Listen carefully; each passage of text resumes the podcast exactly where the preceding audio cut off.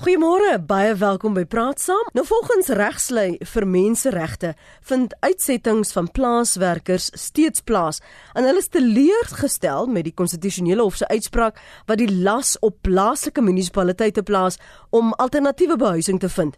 Dis dieselfde beskerming wat gebied word aan mense wat uitgesit word in dorps of stedelike gebiede. Nou 'n woordvoerder van die organisasie, Louise Du Plessis, sê baie plaaswerkers woon vir geslagte op grond en vorm 'n weerlose groep. En sy sê ook om mense uit formele behuising te neem en in informele nedersettings selfs 40 km ver van hulle gemeenskap te plaas, voldoen nie volgens haar aan die maatstaf van geskikte alternatiewe behuising nie. So vanoggend in praat saam kyk ons na die frustrasies wat gepaard gaan met mense wat wag vir behuising en waarom ons steeds sukkel om vordering te maak in hierdie aspek. Ons gaste is Herman Bailey, hy's oud burgemeester van Wellington. Goeiemôre Herman, welkom by Praat Saam. Môre Lenet, dit is altyd lekker om deel te neem aan jou program. En ons gesels ook vanoggend met Quentin Adams, hy's 'n opvoedkundige sielkundige wat vir die afgelope 15 jaar in informele nedersettings programme en hulpverlening bied. Baie welkom ook aan jou. Goeiemôre Quentin. Goeiemôre Lenet en goeiemôre luisteraars. Voordat ons gesels oor die uitdagings wat ons in Suid-Afrika in die gesig staar ten opsigte van behuising, wil ek eers vir 'n oomblik stil staan by die gesig van verskuiwing. Herman, deel jou ervaring met ons luisteraars oor jou en jou gesin en jou gemeenskap se ervaring destyds. Laat ons net 'n blik kan kry van wat dit aan die mens se gees ja. en die sielkunde doen. Dankie Lenet. Ehm um, ons het nou al 'n paar keer hieroor gepraat, maar ek dink dit bly tog een van daai temas wat nog wat diep in mense harte sit. Uh ja, ons het nou uh in my uh termyn hier in Wellington destyds as amptenaar en later in daardie as burgemeester het ons tog ehm um, uh die nagevolge gehad van gedwonge verskuiwings. En hierdie gedwonge verskuiwings ehm um, het hier in die laat 50er jare, vroeg 60er jare plaasgevind en dit het gemeenskappe wat gevestigde gemeenskappe was uh gemeenskappe waar daar tog 'n groot klomp kohesie binne daai gemeenskappe was uitmekaar het geruk deurdat uh mense gedwong verskuif is sonder enige keuse ehm um, en verder was daar ehm um, uh jy weet aan die, uh, aan die kant van die regering was daar 'n soort van 'n benadering gewees. Hier is 'n kennisgewing, julle sal op so 'n so datum verskuif.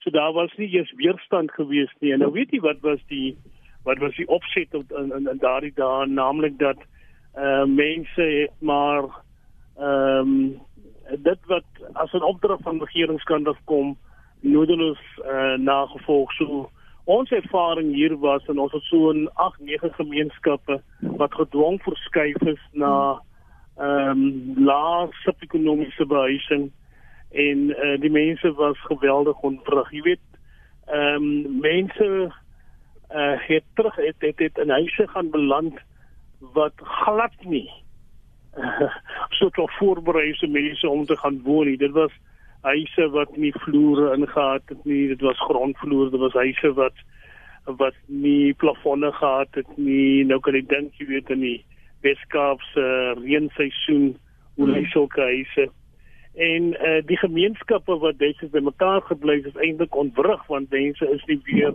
ehm um, in dieselfde gemeenskappe geplaas nie. Ons het nou net weer 'n uh, reeks gesprekke daaroor gehad en hoe seer mense nog is oor wat met hulle gebeur het. Ja. Uh, so ons ervaring hier so Wellington was 'n baie baie negatiewe ervaring geweest. Ek het as kind op 'n jaar in Elsies rivier gebly tot ons uiteindelik 'n op na jare op 'n waglys geskuif is na 'n woonstel op die Cape Flats in, in Bishop Lewis. My ouma en my oupa is van distrik 6 en hulle is verskuif na Hanover Park en ek onthou as kind hoe my oupa en ouma herhaaldelik maar herhaaldelik gepraat het oor die lewe in distrik 6 en hoe hulle gesukkel het om aan te pas aan Hanover Park. En jy praat van verwagtinge van mense in in in laer sub-ekonomiese behuising. Jy praat van ontwrigting en dis temas wat ons later in die gesprek vanoggend verder gaan uh, verfyn. Maar ek wil vir jou vra Quentin wat elke dag in hierdie gemeenskappe nou werk. Wat sien jy elke dag? Ja, ek werk nou al vir 15 jaar in hierdie informele nedersettings. Ek het nou die dag vertel uh die afgelope tyd het ek al in 37 nie, uh, informele nedersettings ehm um, gewerk. Maar ek wil net 'n uh, aspek uh, uitlig. Ek dink wanneer ons praat van uh, gedwonge verskywings, ehm um, dan kry jy die gevoel van 'n uh, brutaliteit. Jy kry 'n gevoel van 'n totale ontwortelingsproses proses wat mense baie diep getraumatiseer het. En uh, dit sien jy ook binne in hierdie informele nedersettings. Nou wat ek altyd vir mense sê is dat ons moet verstaan hoe lyk 'n informele nedersetting.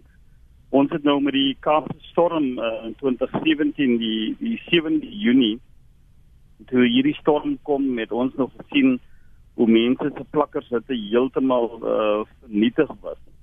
En ons het besluit ons gaan 'n nou nuwe plakkers hê vir die mense bou wat uh, plekke vernietig is deur die storm en dit het vir ons 'n uh, 'n nuwe blik gegee, 'n nuwe perspektief, 'n nuwe belewenis om te sien die uitdagings wat mense regtig het binne in informele sette uh, nedersettings. Ek wil so drie aspekte vinnig noem Lenet en uh, meneer Bailey is dat ons afgekom op families wat letterlik op die grond bly uh hulle het nie 'n bed nie, daar's nie 'n uh, plank waarop hulle slaap nie. Hulle slaap onder 'n kombers in hierdie uh sinkhuis en dan die tweede gedeelte wat vir ons baie skokkend was is die feit dat die rotte maak uh die informele nedersetting of die plakkers dit maak dit 'n speelgrond in die aan. Ons het gruwelike dinge gehoor wat ouers vir ons vertel is van hoe hierdie rotte die kinders se tweentjies of gaan vir die sagte vesel van hierdie kinders die tweentjies of die ore byt. En dan die belangrike gedeelte wat vir my wat wat vir my vergaande vergaande is, is die feit dat daar geen ventilasie is nie. Ehm um, daar is 'n venster, ek kan nie oopgaan nie en daar's nie lug wat ventileer nie en al hierdie siektes en al hierdie gesondheidstoestande uh, word gebroei binne in hierdie shack uh, of plakkers wat waarin die mense woon en dit het beslis 'n impak op die mense se emosionele welstand op hulle op hulle menswaardigheid. Hulle voel hulle is niks hulle voel hulle is uitgesluit hulle is ekonomies hulle is sosiaal is kultureel uitgesluit van die van die stroom uh, samelewing. En dit is 'n groot uitdaging wat ek elke dag sien.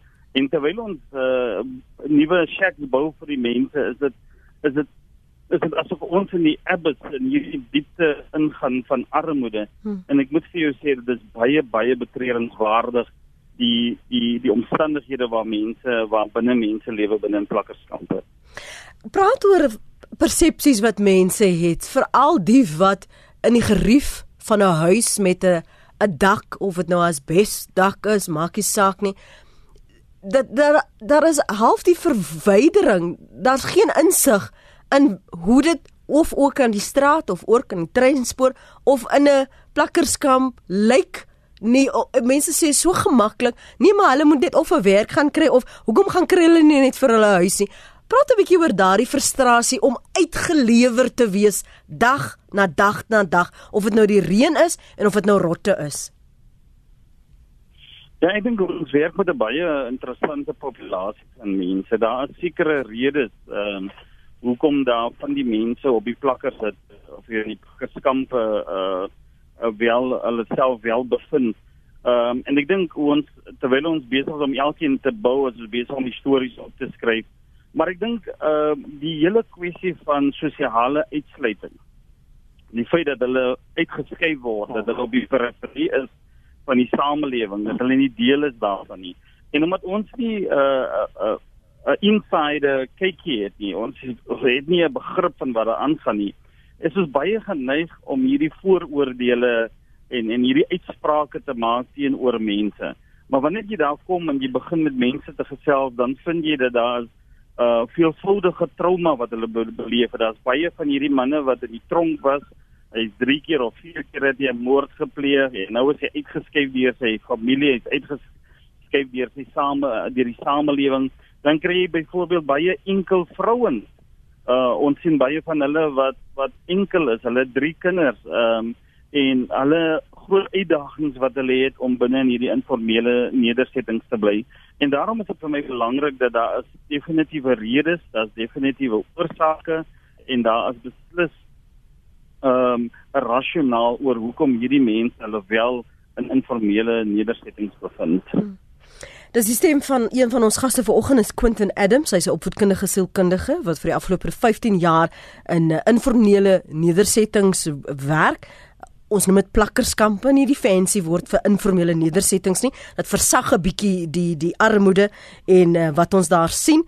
En hulle werk gee hulpverlening het verskillende soort programme. Hy gaan later bietjie uitbrei oor wat hulle daar doen. Maar ons praat ook met oud burgemeester van Wellington uh, Herman Bailey wat praat oor die afgelope paar jare wat hy burgemeester was en wat hy gesien het maar ook sy geskiedenis van waar hy uitsettings uh, gesien het en die gewag vir 'n huis. So die die regering maak 'n uh, groot reklame oor wat hulle al bereik het sedert 94, hoeveel huise, wat? Ek dink is 3 miljoen huise wat hulle die hele tyd so na verwys. Herman, is dit goed genoeg gegee ons geskiedenis, gegee dit wat ons beloof het? Ja. Uh, Lenet, ek dink is nodig dat ons net vinnig uh, 'n uh, klousule uit die uit die uit die grondwet, uh, die handves van menseregte.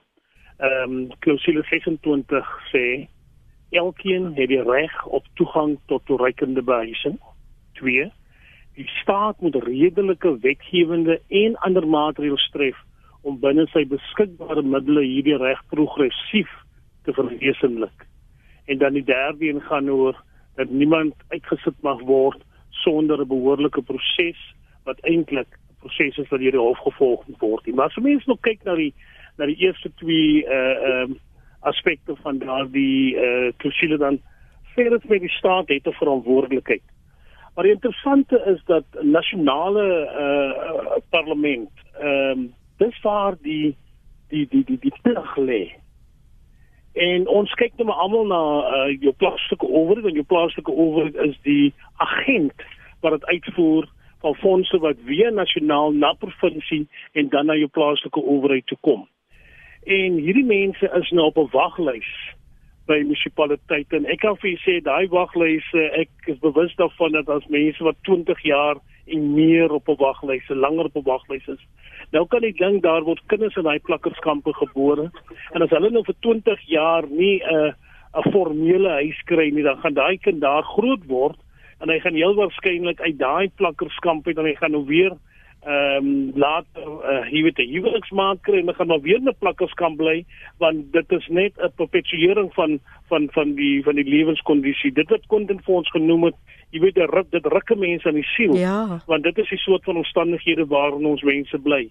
En ehm um, en, en en en en ja die regering maak dalk nou uh groot ophef daarvan hoeveel hulle al voorsien. Ek stel vir jou sê die behuisingsnood in hierdie land uh skree ten hemele ek het nou bietjie navorsing gaan doen net weer binne my eie plaaslike owerheid hier by by Drakensberg as ek hoef net daarna mag verwys. Mm -hmm. Jy weet hier sit ons met met met met iets soos soos 41000 gesinne in een plaaslike owerheid. 41000 gesinne op 'n waglys. Mm. En nou maar word daar 'n onderskeid gemaak van 'n sogenaamde aktiewe waglys. Nou die definisie van 'n aktiewe waglys is dis nog mense wat nou gereeld kom vra, jy weet want uh, jy weet as ek nog op die waglys uh, hoe lyk my kanse uh, om om om gehelp te raak? En dan word dit gebruik vir beplanningsdoeleindes. Maar kom ons sê nou hierdie 20000 25000 word nou gehelp dan sit ons nog met 20000 wat wat wat wat wat glad nie aandag aangekry het nie want dit was nie deel van die beplanning gewees nie. Ja. Nou jou plaaslike owerheid se se rol is eers om geskikte grond te kry en dit word word 'n uitgerekte proses want dit grond wat mos nie aan die plaaslike owerheid be, be, behoort nie wat uitgekoop moet word en dan van die lang proses van beplanning en dit word vir my gesê dit kan tussen 3 en 4 jaar neem net in terme van beplanning dan is daar nog eens na by die punt waar aansoek gedoen word vir befondsing nie. So uh, uh, ons prosesse wat ons het sluit nie vir my aan by die begrip progressief waarna verwys word in die ja. aanwys van menseregte. Daar moet progressief gewerk word om dit te verwesenlik. Ons gaan later 'n bietjie meer na die verskillende toekennings en goed kyk wat van die staat kom, maar dis dis byvoorbeeld en tog 'n redelike progressiewe plaaslike owerheid waar jy met 'n waglys van 41000 gesinne sit. Normaal dit net maar met 5, dan sê ons ons praat hier van 'n kwart miljoen mense wat sonder uh, wat nie behoorlik behuis is nie. Hoe hoe lyk dit vir daardie mense wat in die plakkerskamp woon? Ehm um, Quentin en sê dit nog 'n dag gaan ons ons gaan vra as ons nou het ons nou opgeskuif as ons nou al op die aktiewe lys sommige gesinne wat tot meer as 40 jaar dis 'n leeftyd van een mens wag om net in 'n huis te bly om net 'n toilet wat jy kan gebruik en jou hande kan was en 'n deurtjie te kan toemaak en te kan jou privaat besigheid doen wat dit nooit sal ken nie Ja, net ek is uh, ek luister aan wat uh, Herman Bailey daar sê en ek uh, dink ons moet dit baie duidelik stel in hierdie program dat ons is moeg van wag vir beloftes. Mense maak baie beloftes by plaaslike owerheid. Ehm um, hulle gee ons al hierdie statistieke, maar daar is 'n ander prentjie en dit is die prentjie van die mense uh wat binne plakkerskampe uh, lewe. Ons het nou ons is bevoorreg om elke dag te luister na na wat hulle sê en hulle uitdagings en hoe hulle hoe lank hulle moet wag. Ehm um, terwyl meneer Herman Bailey gepraat het, dink ek aan hierdie woorde van hierdie vrou ehm um, Veronica. Ehm um, sy bly nou al 30 jaar in in 'n in 'n plakkershut. Ehm um, dit lyk meer na 'n styl wat oor 'n drom gegooi is waar sy tans bly en sy is ook op 'n waglys.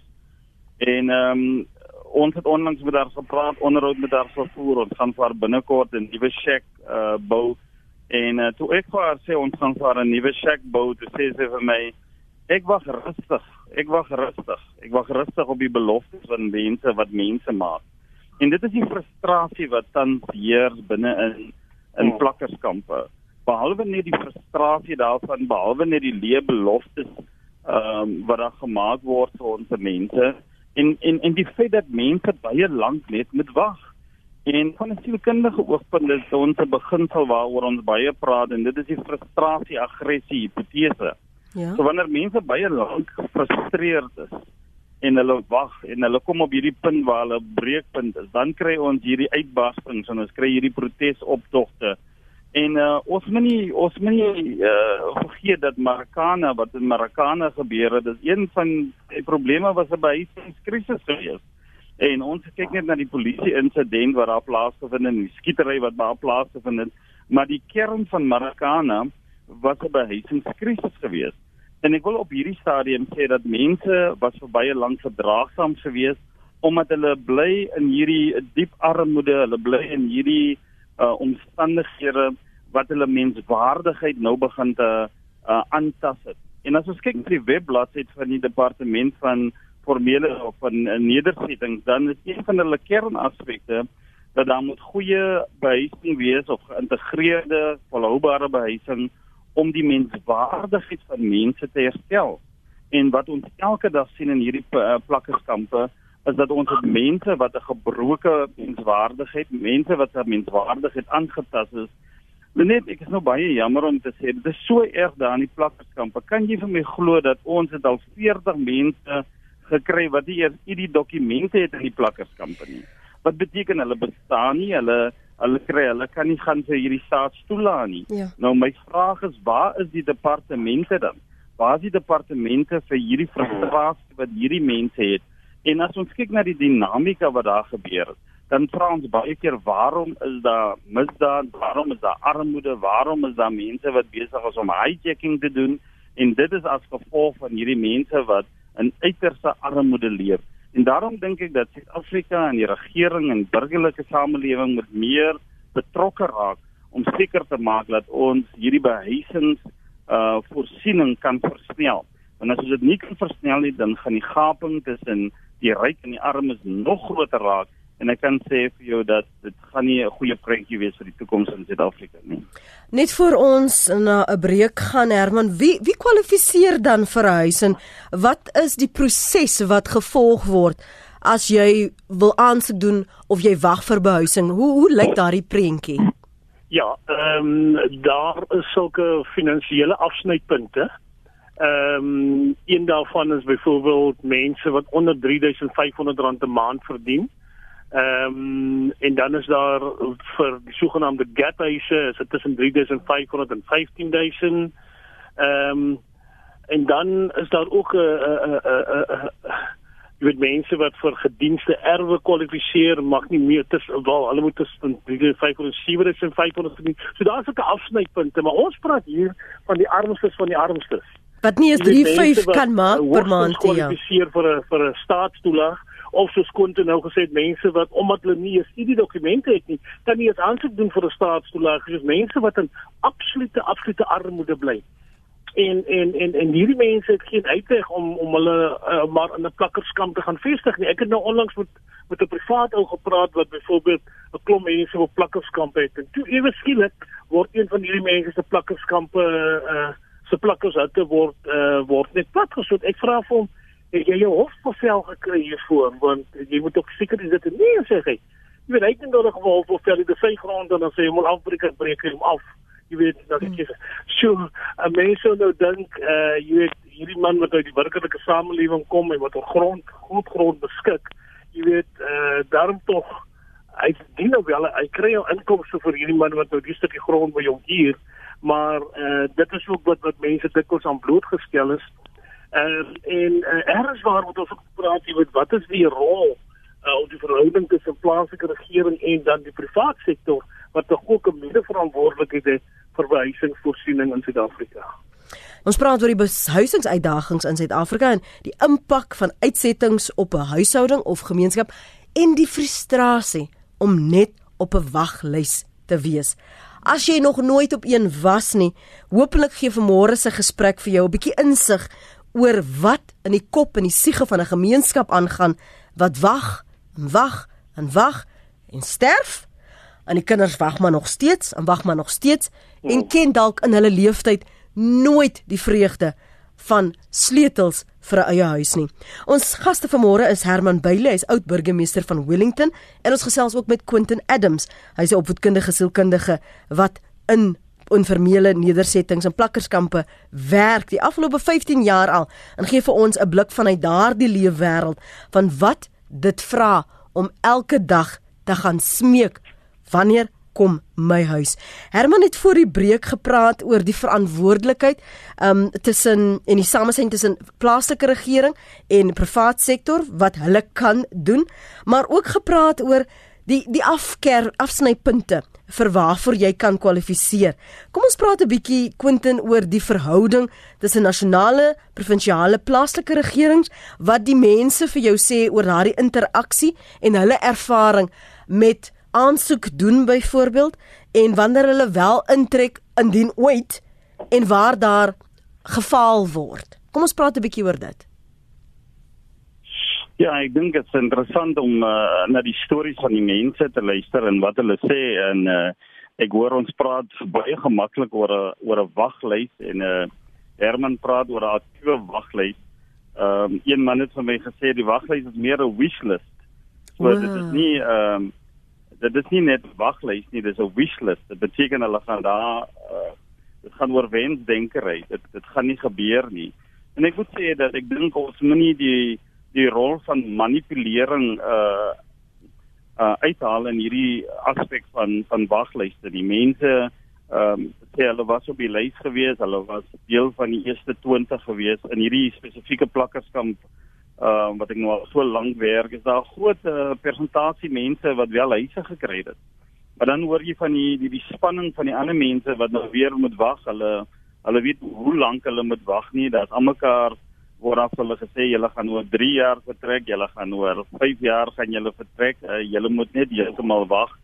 En uh ek dink een van die aspekte is dat daar baie beter kontrole moet wees oor die allocasie van wie op die waglys moet wees. Ek dink daar moet goeie kontrole wees Ehm um, dit moenie net deur een persoon beheer word nie. Ek kan dink in die breë spektrum van ons van ons uh, land en ons land se politiek. Ehm um, dit hang ook af van van watter party jy uh wat wat wat jy ondersteun as. Ons kan maar net indink as die as die raadslid aan 'n sekere party behoort en jy het 'n ehm um, en jy het 'n ander vlag hierso wat jy hang hier by jou huis en die raadslid weet daar dit dit skep groot ruimte vir manipulasie en dan ook natuurlik natuurlik voorkeurbehandeling en ons kry baie van hierdie mense wat wat ongelukkig is as gevolg van voorkeurbehandeling. Uh families wat voorkeur kry uh mense wat geskei word op hierdie waglys. En ek dink ten ten opsigte van nasionaal en provinsie en natuurlik plaaslike regering is dit een van die aktuelle kwessies wat duidelik aangespreek moet word en dat daar goeie meganismes in plek moet gesit word want die die een probleem van hierdie manipulasie en voorkeurbehandeling van hierdie waglyste is dat dit bring groter spanning binne in die gemeenskap. Mense raak kwaad vir mekaar, daar's geweld as gevolg van hierdie hierdie waglys en ek dink ons behoort baie beter dit te kan administreer en mm. natuurlik te kan bestuur om seker te maak dat die mense wat eersteraad dis ek, ek dink aan hierdie familie wat uh, nou al 30 jaar bly hulle hulle sal so lank uh, in hierdie plakkerskamp. Ehm um, ek dink aan hierdie manne wat gebore was en al gesterf het binne 'n plakkerskamp. Uh hierdie een ou sê I was born uh in 'n in 'n in 'n squatter camp en en en en hy het nog sy hele lewe nog net in 'n in 'n plakkershut gebly. Hy het nog nooit sy sy sy, sy wese was nog nooit binne in 'n in 'n in 'n baksteenhuis gewees nie. En daarom dink ek dat daar sekere goed waar ons beheer oor het en ek dink een van die bestuur en die hantering van die waglys ehm um, is een van die kwessies wat ek dink op 'n plaaslike vlak baie meer beter hanteer hmm. behoort te word. Hier in Johannesburg word daar gepraat van gekaapte geboue want mense het geen ander heenkome nie, geen ander plek om te bly nie. Dan hoor jy van die ongelooflike wonderlike skynbare wonderlike projekte soos om te kyk na geboue in die middestad in die Kaap, weet ek, praat julle van inner city renewal of inner city housing projects en jy weet ek onthou nog toe die aankondiging gekom het van RDP huise en hoe almal opgewonde was oor hierdie hophuise en toe en dan delf in in Smarty Box land is dit jy, jy kan nie 'n dubbel bed inkry nie. So klein is dit het ons tot dusver werklik vordering gemaak Quentin. As ons praat van 'n baksteenhuis, watter tipe alternatiewe behuising bied ons dan as jy uiteindelik uit die squatterkamp of uit die plakkers kan beweeg? Ja, ek dink uh, die bepaalde die, die bepaalde plakkerskamp wat ek in in in in werk het 'n baie interessante dinamika want hierdie mense uh, of hierdie mans wat in die plakkerskamp werk, hulle hierdie perekarre wat hulle moet uh, hulle gaan uit in die dag en hulle gaan tel op hierdie scrap metal en hulle het omtrent so twee pere uh, en daai perekarre moet hardloop in die dag om seker te maak dat hulle inkomste moet moet moet genereer. En dan wanneer hulle nou moet trek na die nuwe uh, area toe, dan vind hulle uit daar eerstens daar's nie genoeg plek vir hulle as 'n familie nie. Uh want ons het nou onlangs het ons 'n nuwe plakkers het ge, gebou vir 'n vrou Ek vra hoeveel mense bly hier? Jy sê hulle is 18 mense wat binne in die 2 2 3 18 mense ja. Ons is nou besig om een te bou van mense. Daar's omtrent seker 14 mense wat in daai plek bly. Uh plek bly op hierdie stadium. Oh. Maar die een aspek wat ek wil uitlig is dat wanneer ehm um, hierdie mense moet trek dan sit hierdie mans nou met hierdie probleem. Eerstens is daar nie genoeg plek waar hulle na te trek en tweedens daar's nie plek vir hulle perde nie. So hulle hulle inkomste gaan nou heeltemal weggeneem word of hulle moet nou trek na 'n ander oh. plek toe. Want wat gebeur is dat dit is hulle hoofinkomste stroom wat hulle kry en dit is om skrap met hulle op te tel. En ek dink ehm um, die die derde voorbeeld is dat daar's mense wat tuine het. Uh hulle het, hulle het uh, dit is hulle inkomste. Hulle verkoop en probeer hierdie groente langs die pad verkoop. Sommige mense kry uh, tweedehandse motor ehm uh, uh onderdele wat hulle verkoop en hulle het plek nodig. So wat gebeur is in terme van wanneer die mense trek, ehm um, dan is daar ook bepaalde uitdagings wat wat uh, wat hulle het wanneer hulle trek na 'n nuwe plek toe. En ek dink wanneer die manne wat die behuisings uh, skep en die behuisingsprojekte skep, ek dink hulle moet baie meer 'n deeglike navorsing doen oor die oor die uitdagings van die mense, hulle behoeftes wat hulle het want ek dink dit is altyd uh voor voor voordelig vir vir mense wanneer hulle inkomste moet verloor um, om na 'n nuwe huis toe te gaan. So daai is die praktiese goed hmm. wat ek dink die die die mense, die professionele mense in die behuisingsdepartemente ernstig moet na kyk. En dis een van die kritiek wat ehm um, die regslei vir menseregte gehad het oor daardie konstitusionele hof se uitspraak wat Louise uh, Du Plessis aangeraak het as jy praat oor byvoorbeeld daardie plaaswerkers wat geslagte op grond woon, hulle is al deel van 'n groep, hulle is 'n gemeenskap op hulle eie. Hulle het wel 'n klein gehuggie daar, maar dis 'n is 'n baksteenhuisie wat hulle ken en iemand en is daar gebore. Dis wat hulle ken en nou gaan hulle na 'n plek 40 km van waar hulle gewoon het of waar hulle moet werk. Daar is niks nie. En hulle moet daar word verwag dat hulle 'n lewe moet moet skep, 'n nuwe lewe moet skep. En jy het in jou inleiding vanoggend gepraat Herman oor die tipe ontwrigting, die familieverbrokkeling. Oh. Oh. Ja, Nee, dit dit dit is ongelukkig so, uh jy weet dan almal wat ek self was was was uh aan die ontvang kan van van gedwonge verskywing met my my ons gesin. En ehm um, ja, dit dit dit dit vat lank om om daarmee vrede te maak. En soos een tannie gesê het, jy weet ek kan ek kan vergewe, maar ek kan nooit vergeet wat met my gebeur het nie. Maar ehm um, uh, Lenet, ek dink wat 'n mens wat 'n mens ook moet na kyk, jy weet, is is wat is in plek? Ja. Ons weet dat die staat het 'n verantwoordelikheid. Wat se tipe uh uh jy weet daar's soveel sogenaamde grants wat wat uh benut kan word. Uh hou ons as plaaslike owerheid werklik wel verantwoordelik want want hulle tree op as as agente uh op plaaslike vlak uh, vir die nasionale en provinsiale regering. En ehm um, jy weet dis daar is jou dorpe so verdeel dat elke wijk het 'n wijkskomitee uh, wat saam met hierdie raadslid moet vergader op 'n gereelde basis. Dis 'n formele struktuur deesdae wat daar nie vroeër jare was nie. En uh die gemeenskap het wat my betref saam met die raadslid 'n verantwoordelikheid om binne daai wijk seker te maak jy weet dat die plaaslike owerheid verantwoordelik gehou word. Ons kry elke jaar die situasie dat daar word ehm um, jy weet begrotings word aangekondig. Jy weet bly ons met daai begrotings ek het ek het in my navorsing gevra wat is die beginsels wat julle gebruik vir seleksie? Ja. En ehm um, en vir my was gesê 60% kom van die waglys af, 20% is sogenaamde special needs of pensionarisse en 20% is vir vir jou landelike uh, gemeenskappe wat dan nou of afgesit is of van die plase moet verhuis. Nou dis dis dis pragtig, jy weet as 'n mens daaraan kan werk maar uh, ons ervaring is en en en en kontra daarna verwys dat hierdie waglyste word so gemanipuleer. Jy weet ek onthou die dae toe ek nog 'n amptenaar was, het ons so 'n A4 swart counterboek voor ons gehad waar op die naamlyste is datum van aansoek, visie gesin, wat is se jongste adres. En as 'n huis of huise beskikbaar word, en jy doodgewoon vanaf die van bo af gewerk en jy het mense se name doodgekrap en vir hulle huis aan huis toegeken. Ja. Hier's daar as daar soveel politieke manipulasie wat maak dat mense sê vir jou maar ek is nou 20 jaar op die waglys. Hier kom 'n ou wat nou 5 jaar op die waglys is. Mm. En dit is net omdat hy nou binne so 'n skontro genoem het 'n politieke milieu homself bevind uh jy weet klein of voordeel by. Hierdie mense stel nie belang in politiek nie. Hulle wil behoorlik behuis word. Uh en ons moet ook gaan kyk na alternatiewe. Ek wil nou een alternatief nou wat ons wat ons hier gebruik het en dis nog voor 94 toe ons op dieselfde van bestuurskomitees gehad het. Het ek op 'n stadium uh saam met ons komitee net gesê met baie van ons gesinne of families het mense wat bouwerk kan doen.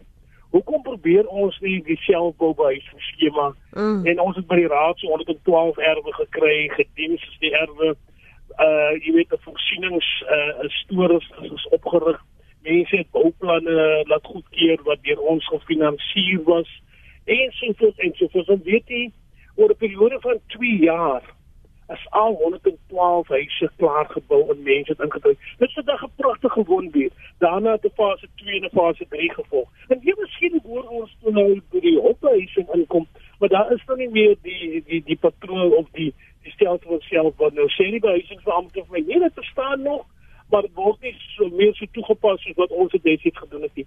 Mense kan ook vir hulle self help en ek dink hulle moet die geleentheid daartoe begin word. Die staat moet werklik waar dit weer oorweeg om te kyk na na na die konsep van selfboubehuising. Mm. Uh wat ons het bewyse hiervan dit kan gedoen word. Hoe hoe uh, help die staat? Hoe help hulle wat van daai toekennings waarvan jy gepraat het net nou, Herman? Sê dit weer hulle net. Hoe help die staat? Jy het net verwys na toekennings wat die staat maak. Geef ons so 'n idee van ja. hoe dit werk kyk uh, wat daar gebeur is 'n uh, erf word aan jou toegeken. Kyk, 'n som geld word geword bepaal per huishoud om te sê, okay, dit is wat jou erf vir jou gaan kos. Dit is wat jou wat jou kostes van van jou boumateriaal gaan wees en en en onder begeleiding van van 'n uh, 'n boukundige gaan jy gehelp word om hierdie huis te bou. En wat die mense die mense het eie inisiatief geneem, jy weet, hulle het uh, hulle het familie ingekry, hulle het helpers ingekry en ek het op daai stadium elke liewe Saterdag ek so 'n motorfiets gehad. Ry so deur die deur die dorp so by die bouwerkplaas en en net deur daar te wees het mense geweet dat hier is 'n wil om 'n ding te laat gebeur. Ek het iets in Suid-Amerika gesien wat my wat ek sê hoop ek sou tyd hê om te kon implementeer hier. Ja. Hulle kies 'n blok van kom ons sê 10 10 10 huise of 10 huishoudings wat nou hier opgewek. Dan het hulle lotingstelsel. Volgens die lotingstelsel die persoon eers geloot word al 10 families gaan help om sy huis gou klaar te bou. Dan dan persoon 2, dan persoon 3, dan persoon 4. En so as daai blok van 10 gebou, weer die 10 families wat in daai blok gaan bly. Kan jy dink aan die kohesie wat ja. daar hier gevestig ja. word? Die mense het eienaarskap aanvaar. Want ek dink nie ons dink genoeg buite die boks te sê hoe kan ons mense help nie. En dalk het dit nodig gekomde geword dat mense so skoon ek wat 'n belangstelling by sien ander mense by mekaar kom om te sê hoe kan ons jy weet 'n bietjie van 'n dinkskrif vorm het die vorige keer genoem. Dalk het ons weer 'n nasionale behuisings ehm um, forum nodig of raad nodig of 'n beraad nodig om net weer 'n slaggie behuising uh saam met die ministeries uh, op die op die op die op die grondfonds voorgrond ons sit binnekort weer met met met nasionale verkiesings En en en en as jy mens nou kyk na die pad wat hierdie goed loop op die oomblik, Jesus, dit gaan nie vir die mense op hulle oor hulle self op hierdie stadium en ek dink hulle vergeet heeltemal vir die mense vir wie hulle moet dien. Ehm um, hierdie ehm um, uh, departemente van ehm um, human settlement uh, menslike behuising ehm uh, ek is nie so seker uh, jy weet hoe aktief die mense is om werklik waar die moet aan te spreek nie want uh, ons sien hoe stadig die die, die dienslewering in ons gebiede is. Dis die stem van Herman Bailey, oud burgemeester van Wellington. As jy so laat by ons aangesluit het en ek gee gou vir jou vinnig konteks. Ons ander gas is Quentin Adams, hy's opvoedkundige sielkundige en hy praat oor wat hy sien in informele nedersettings. Hulle werk al 15 jaar plus in met verskillende programme, hulpverlening uh, in daardie gemeenskappe en ons praat oor die behuisingsuitdagings, die frustrasies wat mense ervaar as hulle op 'n wenslysie is. Dit is hoe Quentin dit vanoggend beskryf het, nie 'n waglys wat ons algemeen gebruik nie. En as ons nou kyk na die pad vorentoe, ek wil tog jou vra Quentin, as jy nou kyk na die grootte van hierdie hophuisies, is dit 'n geval van bitter klein beter klein as as niks dat ons maar tevrede wees ten minste is 'n baksteen ten minste gaan ons nie weggespoel word met die volgende reën nie Ja, net uh, dis nou 'n baie baie moeilike vraag om dit te antwoord. Ehm um, iemand het uh, vanmôre vir my gesê, lyk my ons bou nie shacks nie, ons bou uh, 'n nuwe huise vir die mense wat ons nou net besig om uh, uh, vier vertrek 'n uh, nuwe shack te bou met pragtige planke en dan is daar plate en ons maak seker dat daar vensters en 'n sementvloer is. Vir my gaan dit uh, die kern van die hele aspek rondom behuising gaan vir my oor menswaardigheid.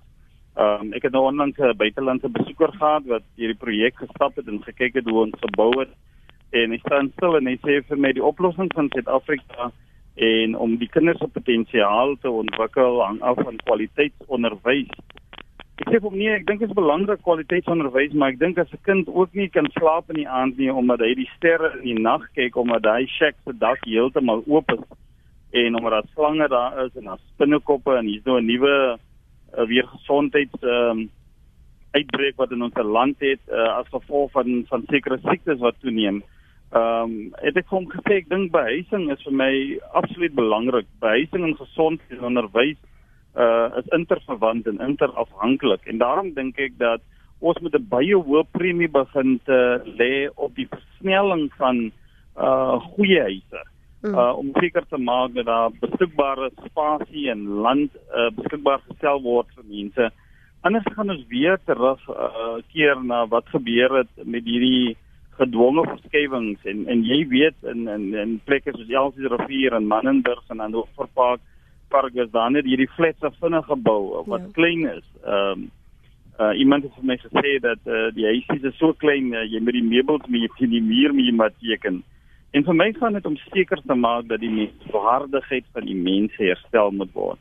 Want as 'n kind op 'n vroeë stadium nie blootgestel word aan 'n goeie struktuur, 'n goeie plek waar hy kan studeer, 'n plek waar hy seker uh, goed kan funksioneer nie, dan gaan ons maar net verder in hierdie siklus van alle uh, probleme uh, verder beweeg.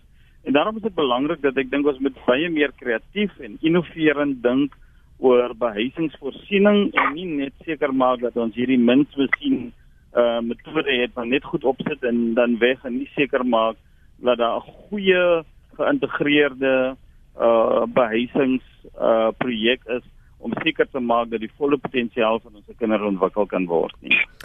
Herman, as jy by die departement van Ek wil 'n bietjie aansluit. Ja, ek wil Ek wil 'n bietjie aansluit by by by wat Quentin het gesê.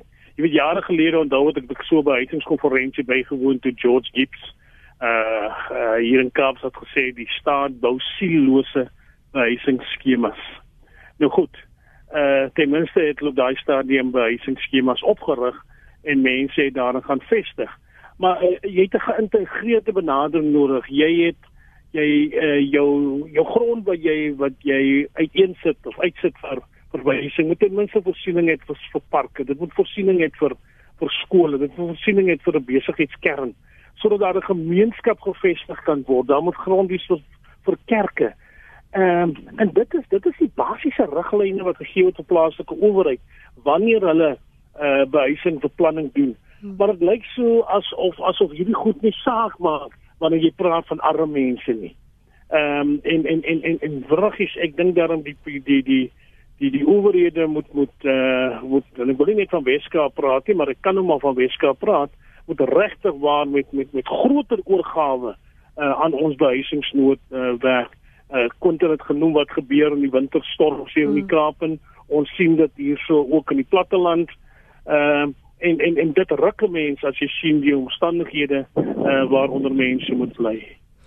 Ons staan op die drempel van 'n nuwe jaar en dit mense kry die indruk dat die departement van menslike nedersettings en infrastruktuur en behuising het maar nou vir ons so algebreinspoel dat ons moet maar aanvaar plakkerskampe gaan vir ewig en vir altyd saam met ons wees. Ons moet daarmee vrede maak. Maar ek wil vir julle albei vra ter afsluiting. Um ons staan op die drempel van 'n nuwe jaar in 2019. Is dit weer 'n verkiesing? Wat sou jy wil hê Herman moet kiesers wat op 'n waglys sit, 'n wenslys sit vir hulle verkiesings ehm um, nare vir vir die wat staan en sê stem vir my. Wat, wat is die kardinale vraag wat jy sou wil hê in terme van behuising wat hulle moet vra? En dan gaan ek vir Quentin vra om vir ons af te sluit. Ja. Lenet, ek dink uh, ons kiesers moet minder met hulle harte stem en meer met hulle verstande stem. As jy nou vir mense in plakkerskampe gaan vra, is jou prioriteit nommer 1, gaan jy mos vir baie duidelik sê is duisend. En ons laat toe dat mense nou uh, uh vir plaaslike regering sowel as ander ander vlakke van regering ehm um, met pragtige mooi beloftes kom, maar ons weet mos in daai 4, 5 jaar gebeur daar eintlik niks nie. Uh want ehm um, ons kyk nie werklik waar na die behoeftes van ons mense nie as 'n as 'n as 'n openbare amptenaar is jy daar om die mense te dien en die mense se behoeftes aan te spreek en dit gebeur nie. So dit sou vir my 'n uh, 'n uh, uh, nommer 1 wekroep wees uh vir jou vir jou potensiële kandidaate. Jy weet, ek dink een van ons probleme waarmee ons sit, ons ons stelsel nodig waar waar ehm um, uh verteenwoordigers van plaaslik van van uh provinsiale en nasionale regering verantwoordbaar gehou word.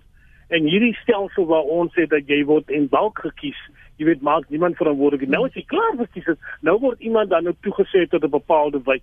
Ons het nodig om terug te gaan na 'n kiesstelsel waar ons werklik ons raadslede verantwoordbaar hou uh beide op die provinsiale en nasionale vlak en dan op plaaslike vlak sit ons gelukkig met 'n met 'n wyks uh afdeel 'n wyks uh stelsel van verkiesing.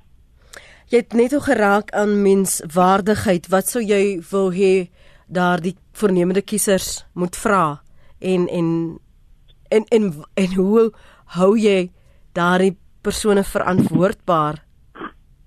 Quentin? Ja, ek dink ek dink vir my is dit belangrik dat die die raadslede wat weer staan uh hulle moet wegbeweeg van hierdie uh verkiesingsbelofte uh, sindroom. Ehm um, dit begin nou al, jy weet, alom bekend te maak dat die laaste 3 maande dan word daar beloftes gemaak.